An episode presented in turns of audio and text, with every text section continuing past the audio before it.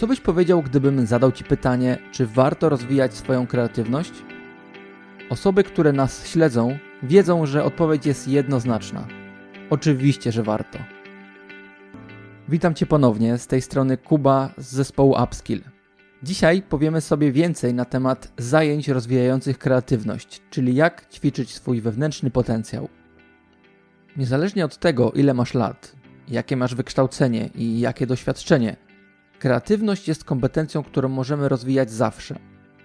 Ja mogę się tu wymądrzać i przedstawiać Ci różne powody, dla których warto to robić, ale przecież ktoś może zapytać: No dobrze, mądralo, to powiedz mi, jak rozwijać kreatywność?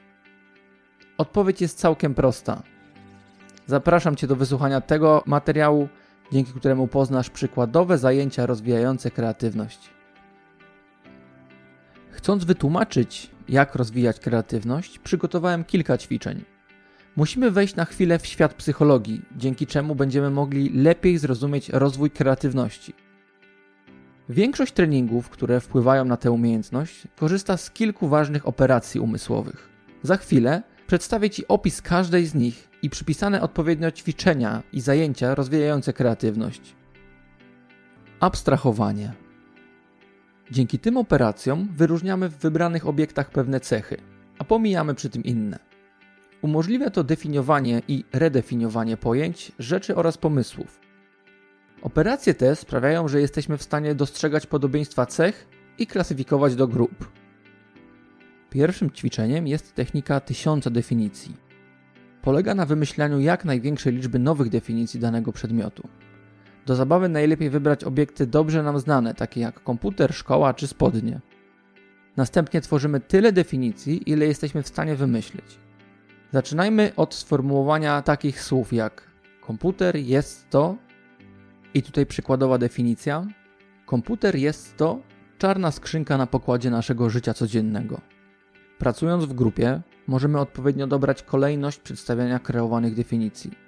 Pamiętaj, że na początku będzie Wam łatwo szło, ale z każdym następnym sformułowaniem zaczną pojawiać się schody. Dostrzeżesz nowe elementy, często zaskakujące i nieoczekiwane. Dokonywanie skojarzeń. Kojarzenie ze sobą różnych rzeczy, ale w bardziej rozbudowanej wersji. Nie chodzi tu o proste skojarzenia, takie jak na przykład widelec i łyżka, a raczej odległe asocjacje, które są nieprzewidywalne i nieoczywiste, jak na przykład komputer i świeczka. Przykładem ćwiczenia są łańcuchy skojarzeń, opisane przeze mnie w artykule na naszym blogu Trening kreatywności poznaj 5 przydatnych ćwiczeń na kreatywność. Innym rodzajem zajęcia rozwijającego kreatywność jest ćwiczenie o nazwie montaże. Metoda ta może być wykorzystywana jako forma zabawy dla dzieci, ale również praca grupowa. W tej technice będziemy potrzebować kilku atrybutów, takich jak kolorowe gazety, arkusz papieru czy klej.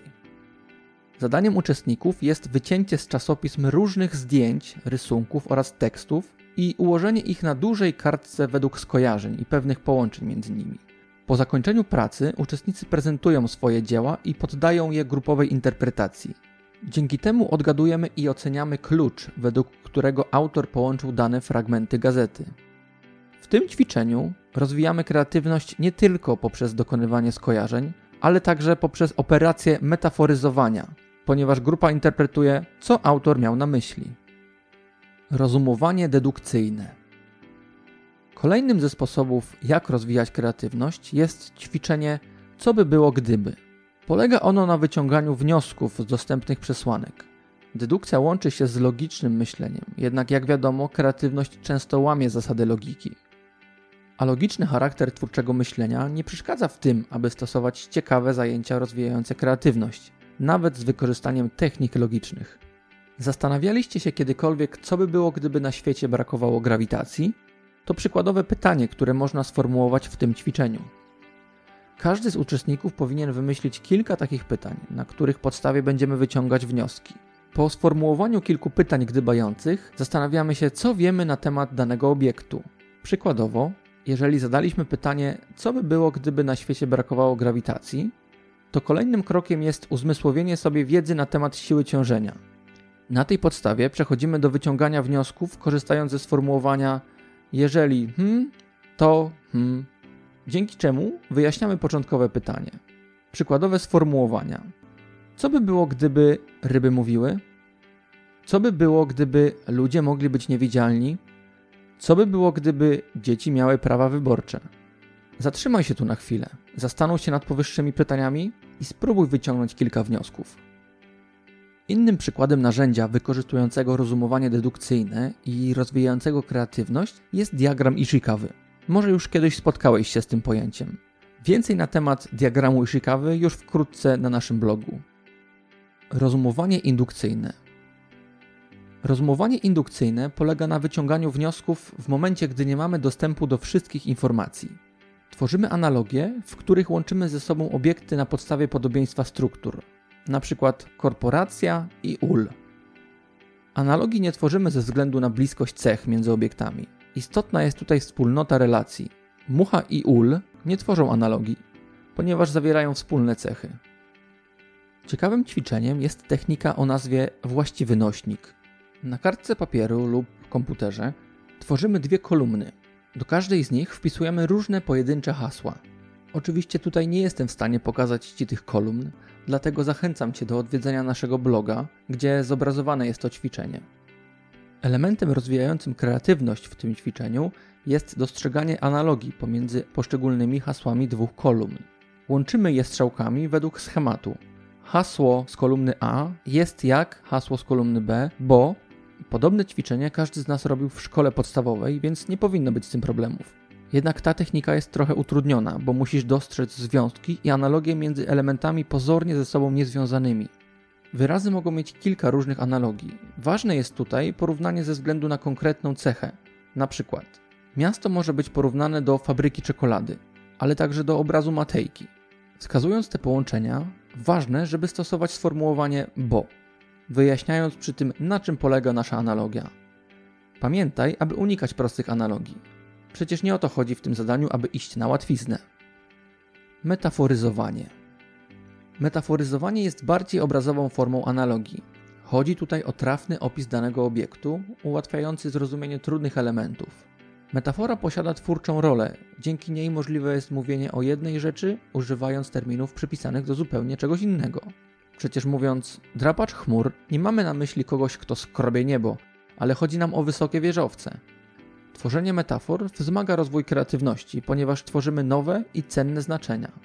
Ciekawym ćwiczeniem na metaforyzowanie są indiańskie imiona. Czy kiedykolwiek myślałeś, jakbyś się nazywał, gdybyś był Indianinem? Szybka strzała, szalony koń, a może płonąca woda? W tym ćwiczeniu pomyśl o kilku osobach, które znasz i postaraj się nadać im kilka określeń na wzór indiańskich imion.